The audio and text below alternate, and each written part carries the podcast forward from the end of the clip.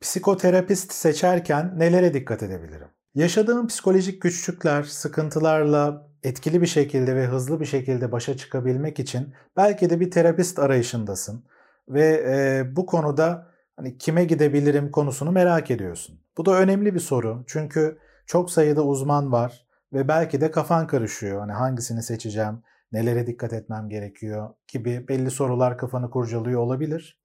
Açıkçası tam da bu konuya odaklanan e, terapinin verimliliğini özellikle bir danışan olarak artırmada nelere dikkat edebileceğin konusuna odaklanan bir kitap yazıyorum. Ve bu kitabın da bir bölümünde terapist seçerken nelere dikkat edilmesi konusuna değiniyorum. O yüzden bu önemsediğim, üzerinde kafa yorduğum bir konu. Bu yüzden de bugünkü videoda terapist seçimi arayışında nelere dikkat edebilirsin konusunu 6 madde üzerinden anlatmak istiyorum. Eğer bu aralar böyle bir arayış içindeysen ama hangi kriterlere göre e, bu seçimi yapabilirim, nelere dikkat etmem gerekiyor konusunu da merak ediyorsan bugün anlatacağım noktaların faydalı olacağını düşünüyorum. Terapist arayışında dikkat edebileceğin önemli bir kriter tabii ki referans konusu. Seni tanıyan, bilen birisinin referans olduğu bir terapiste gitmek tabii ki daha güvenilir gelebilir. Çünkü psikoterapi süreci güvene dayanan ve gittiğin kişinin de yetkin olduğuna e, inanmanı gerektiren ve güvenmeni gerektiren e, bir aslında çalışma. Dolayısıyla da hani seni tanıyan, bilen birisinin ve aynı zamanda da hani içeriden bilgi sahibi olan yani yönlendirdiği, referans olduğu uzman konusunda bilgi sahibi, hatta deneyim sahibi olan birisinin hani referans olması tabii ki çok kıymetli. Yani insan bir doktora giderken hani çevresindeki birilerine sorar değil mi? Hani bildiğin birisi var mı? Hani güvenebileceğin, referans verebileceğin diye. Aynı şey aslında bir terapist seçerken de tabii ki gündeme gelebilir. Ama belki de çevrende böyle birisi yok ya da sormaya çekiniyorsun belki. Aslında çekinilecek bir konu değil ama evet hani çekinceler olabiliyor. O noktada da kendi imkanlarınla aslında e, internetten belki de araştırma yapmak durumunda kalıyorsun. Bu noktada belki de internette diğer kişilerin referans yaptıkları, yorumda bulundukları, tavsiyede bulundukları uzmanlar kimlerdir diye işte web sitelerinden, belli forum sitelerinden ya da sosyal medya hesap, hesaplarından belki de araştırmalar yapıyorsun. E, bu kişilerin e, yazılarını okuyorsun, videolarını izliyorsun belki de. Senin durumuna uygun konularda ne kadar uzmanlar e, anlattıkları konular senin durumuna ne kadar uygun bunları ayrıştırıp anlamaya çalışıyorsun belki de. Dolayısıyla hani diğer kişilerin yaptığı referanslar da tabii ki değerli bir bilgi olabilir. Ee, ama bunun yanında hani araştırdığın uzmanla alakalı internette özellikle çok fazla yorum yoksa, tavsiye sayısı azsa bu da hani o kişinin aslında yeterince yetkin olmadığı anlamına gelmiyor tabii ki. Çünkü burada yapılan yorumlar aslında danışanların e, çabalarıyla olan bir şey. Yani özellikle interneti aktif kullanan, işte bu e, tavsiye verilebilecek, yorum yapılabilecek sitelerden haberdar olan danışanların aslında yazdığı sayfalar olabiliyor. E, o yüzden de yani buradaki sayılar aslında belirleyici bir kriter değil ama referans olması açısından tabii ki dikkat edebilirsin. Terapist arayışında dikkat etmen gereken diğer bir kriter de tabii ki eğitimi hem lisans eğitimi yani üniversite eğitimi hem de üniversite eğitimi sonrasındaki yaptığı çalışmalar aslında iyi bir terapist açısından önemli kriterlerdir. Bizim alanımızla alakalı yani terapistlik alanıyla alakalı ön plana gelen meslek türleri psikologlar, psikolojik danışmanlar ve psikiyatri uzmanlarıdır. Terapist olabilmek için sadece psikoloji ve psikolojik danışmanlık rehberlik bölümünden mezun olmak yeterli değil, bunun üzerine bir de yüksek lisans yapmak gerekiyor. Eğer psikiyatrik bozukluklarla çalışılacaksa o noktada klinik psikoloji yüksek lisansı yapmak terapist olabilmek için çok çok önemli ve gerekli olan koşullardır aslında. Tabi bu temel eğitimlerin dışındaki yüksek lisansı da aslında temel bir eğitim olarak görebiliriz. Bunun üzerine e, sürekli eğitimlerle aslında devam etmek gerekiyor. Ek özel eğitimler alıp e, güncel yayınları takip edip güncel gelişmelerden haberdar olmak, işte süpervizyonlar almak yani deneyimli terapistlere danışarak aslında usta çırak ilişkisi gibi bir ilişkiyle e, bilgileri taze ve diri tutmak bu konuda giderek derinleştirmek gerekiyor bilgileri. Kendi açımdan söyleyecek olursam lisans ve yüksek lisans eğitimimin e, dışında aldığım eğitimler bu temel eğitimlerimden çok daha fazla e, aslında. Yani üniversite eğitimim dışında aldığım eğitimlere ayırdığım zamanı düşündüğümde üniversitedeki lisans ve yüksek lisansda aldığım eğitimlerden çok daha fazla. Bu aslında uluslararası standartlarda da böyledir. Mesleki eğitimler sürekli bir şekilde devam etmesi gerekiyor. Hatta ruh sağlığı yasası gelişmiş ülkelerde sertifikasyonlarla birlikte mesleki eğitimlerin sürekli devam etmesi de isteniyor zaten. Bunların yanında ne yazık ki bizim ülkemizde henüz bir ruh sağlığı yasası yok. Dolayısıyla e, olması gerektiği şekilde bir denetim yok. Yani denetim sadece temel eğitim düzeyinde kalıyor.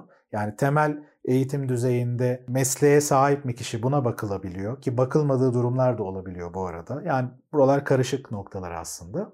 Dolayısıyla da hani iyi bir terapist seçiminde aslında terapistinin kendisinin bu konulara ne kadar dikkat ettiğine dikkat edebilirsin.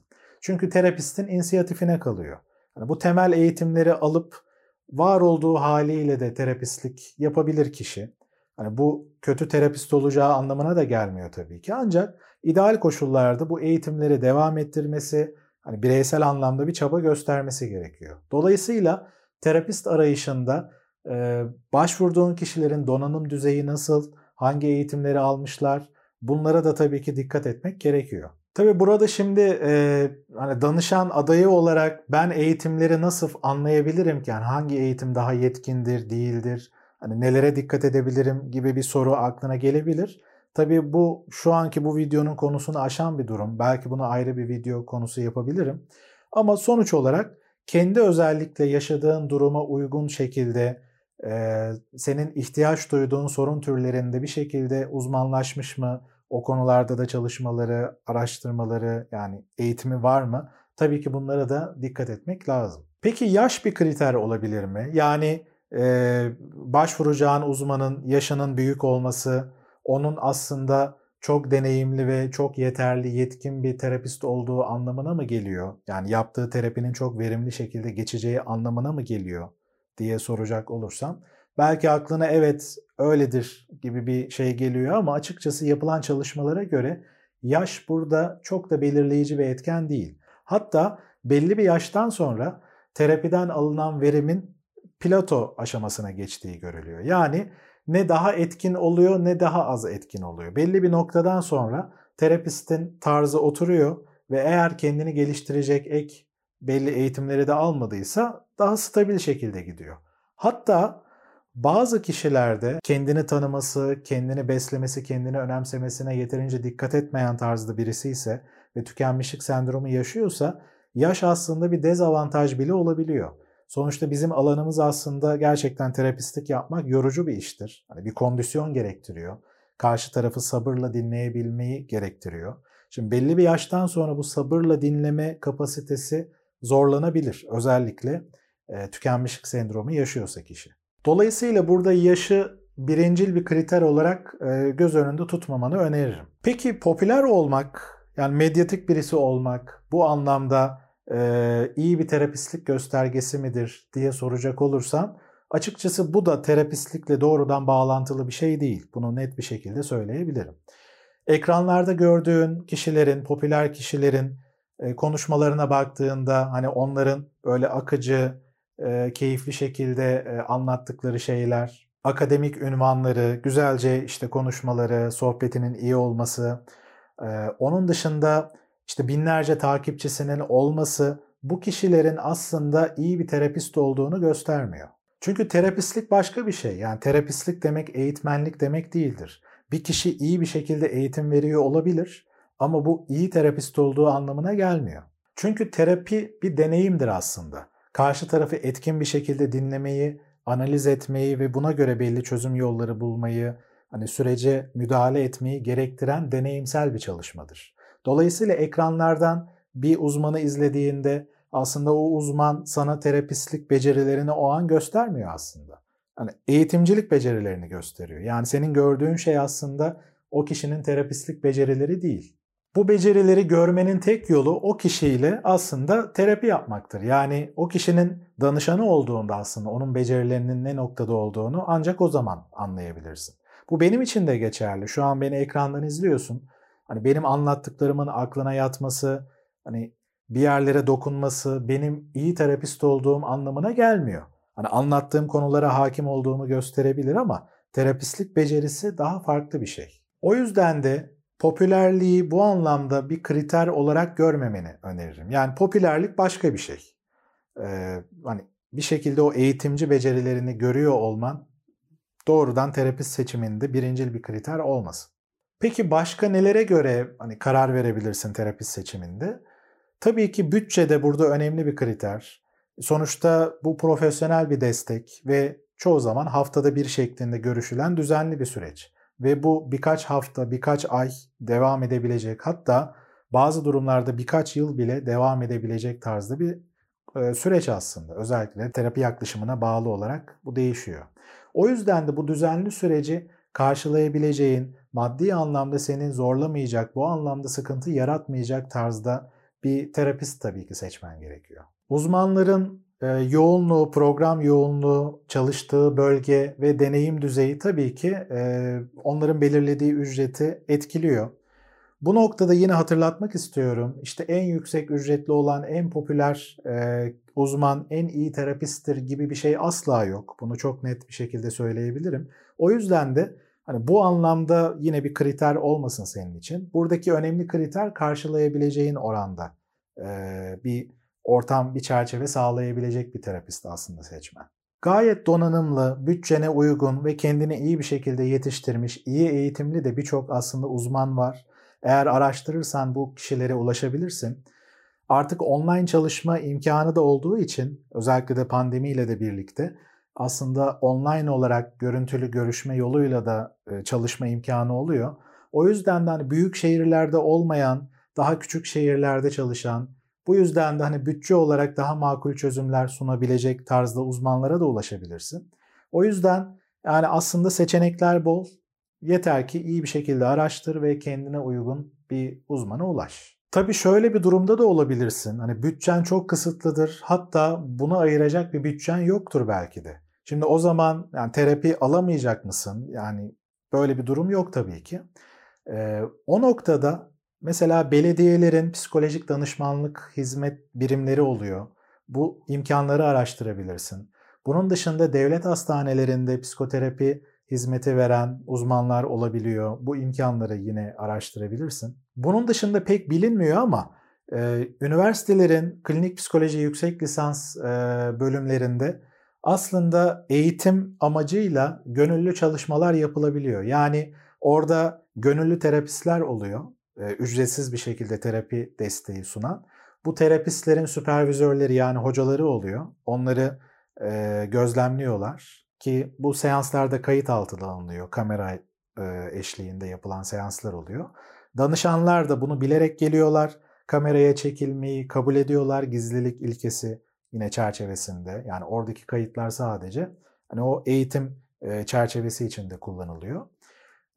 Burada hani karşılıklı olarak birbirini destekleyerek aslında bir terapi süreci de gerçekleştirilebiliyor. Ben kendi yüksek lisans eğitimimde mesela bu şekilde birkaç kişiyle ücretsiz olarak çalışmıştım.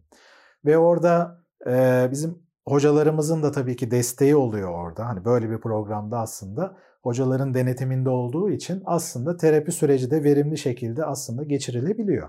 O yüzden üniversitelere doğrudan bu şekilde başvurabilirsin. Bu imkanları araştırmanı öneririm.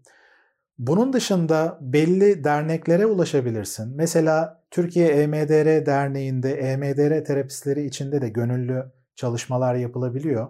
Hani bu derneğe aslında başvurarak kendi durumunu anlattığın mesela e-mail üzerinden bir yazı gönderdiğinde bazen bu yazılara da karşılık verebilecek hani senin durumunda uygun, çok düşük bir ücretle ya da ücretsiz olarak destek olabilecek terapistler çıkabiliyor. İşin maddiyat kısmı bir şekilde dediğim gibi birçok imkanlarla aslında çözümlenebilecek bir konu. O yüzden de önemli olan bu konunun senin önünde bir engel, bir dert olmayacağı bir çözüm bulmaya çalışman aslında. Peki diyelim ki eğitim anlamında gözüne kestirdiğin bir terapist buldun Yani eğitimi, özgeçmişine baktığında güzel. Yazılarını okuyorsun, videolarını izliyorsun, aklına yatıyor. Senin e, sıkıntı duyduğun konularda uzman gibi görünüyor, deneyimli gibi görünüyor. E, bütçe olarak uygun ve genel olarak genel bir izlenim olarak da e, yakınlık hissettin. Yeterli midir? Yani budur. Tamam ben terapistimi buldum. Artık başka bir şey düşünmeme gerek yok diyebilir misin burada?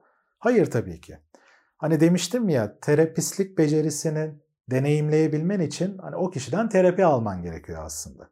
Dolayısıyla buraya kadarki kriterler eğer az çok aklına yatıyor gibi ise uygunsa tabii ki gözüne kestirdiğin terapistle çalışmaya başlaman en az bir 2-3 seans e, aslında zaman geçirmen gerekiyor. Bu ilk 3 seans özellikle kritik. Çünkü bu ilk 3 seansta aslında bundan sonraki süreçle alakalı da nasıl bir e, deneyim yaşayabileceğini az çok zaten anlarsın. Eğer bu ilk izlenimlerde, ilk görüşmelerde anlaşıldığını hissediyorsan, terapistin yaklaşımı saygılı ve güven verici şekilde ise, e, rahat olabildiğini hissedebiliyorsan ya da en azından daha da rahatlayabileceğini, hani terapistinin buna uygun olduğunu fark ediyorsan, ortak noktalarda buluşabilecek gibiyseniz, senin beklentilerine uygun bir şekilde donanıma sahip olduğunu, yetkinliğe sahip olduğunu görüyorsan, terapistinin kullandığı yöntemler, yaklaşımlar sana da uygun gibi ise, yani senin için birlikte o zamana kadarki e, eldeki bilgiler üzerinden çizdiğiniz rota aklına yatıyorsa bunlar güzel işaretler. Ve ilk 3 seansta bunlar toparlandıysa eğer bundan sonraki süreçte de güzel adımlar atılabileceğine yönelik hani pozitif öngörülerde bulunabilirsin. Ama bu anlattıklarımı ilk 3 seans içinde yaşamadıysan ve e, terapistine de pek güvenemeyecek gibi hissediyorsan ve hatta ilk geldiğin ana göre daha da kötü hissediyorsan, modun düştüyse, motivasyonun düştüyse ve en ufak bir ışık bile göremiyorsan bu 3 seanstan daha fazla da devam etmemek gerekiyor. Zaten böyle bir motivasyon da hissetmezsin. Yapılan çalışmalara göre de bu ilk 3 seans özellikle belirleyici. Eğer anlaşılmadığını hissediyorsan, ortak nokta bulamayacak gibiyseniz, hani o yetkinliği, donanımı yeterince hissedemiyorsan ya da yetkin donanımlı olabilir. Özellikle de diyelim ki popüler birine gittin ama terapistlik becerisi anlamında hani seni dinlemesi, anlaması, hani sana saygılı yaklaşması konusunda belli sıkıntılar olduğunu görüyorsan bu aslında başka bir terapist arayışına girmen gerektiğini gösterir. Böyle bir durumla karşılaştığında tüm terapistlere genelleme yapmaman gerekiyor. Eğer terapi deneyiminde o ilk görüşmelerde iyi bir hisse kapılmadıysan bu terapi mesleğiyle alakalı bir sıkıntı değil aslında. Gittiğin terapistle alakalı bir sıkıntı var demektir. Bizim alanımız hem bir bilim hem de bir sanattır. Dolayısıyla hani kişinin e, bilimsel anlamdaki yetkinliği, donanımı sanatıyla doğrudan tutarlı bir şekilde aynı oranda olmayabilir. Birisine iyi gelen diğerine o kadar iyi gelmeyebilir. Tarz farklılığı olabilir. Terapistin kendisi dediğim gibi hani donanım olarak, bilimsel bilgi olarak kendini geliştirmiş olabilir ama ilişki becerileri anlamında, terapistlik becerileri anlamında yeterli olmayabilir. O yüzden de eğer kötü bir deneyim yaşadıysan gittiğin terapistle ilgili olarak bu her terapistin böyle olduğu anlamına gelmiyor. Bu yöndeki arayışını sonlandırmak ve motivasyonunu düşürmek zorunda değilsin. Dediğim gibi diğer kriterleri de göz önünde tutarak terapistlik becerileri anlamında sana uygun gelebilecek kişiye yönelik arayışına devam etmeni kesinlikle öneririm. Buraya kadar anlattığım şeyler dışında da tabii ki başka noktalardan bahsedebilirim. Yani bu geniş bir konu aslında. Dediğim gibi bu konuya özel, kapsamlı bir kitap da zaten hazırlıyorum. Eğer gelişmelerden haberdar olmak istersen e-posta gruplarımdan birine katılabilirsin. E, açıklamalarda linki var. Ayrıca bu gruplara katıldığında da e-posta gruplarına özel içeriklerden ve avantajlı eğitim duyurularından da bahsediyorum. Hani kitap duyurusu gibi belli e, aslında haberler olduğunda da bunlardan da bahsediyor olacağım. Kendine iyi bak ama gerçekten iyi bak kendine nasıl iyi bakabileceğinle alakalı bir destek arayışına girmen çok anlamlı. Asla pes etme. Tekrar görüşmek üzere.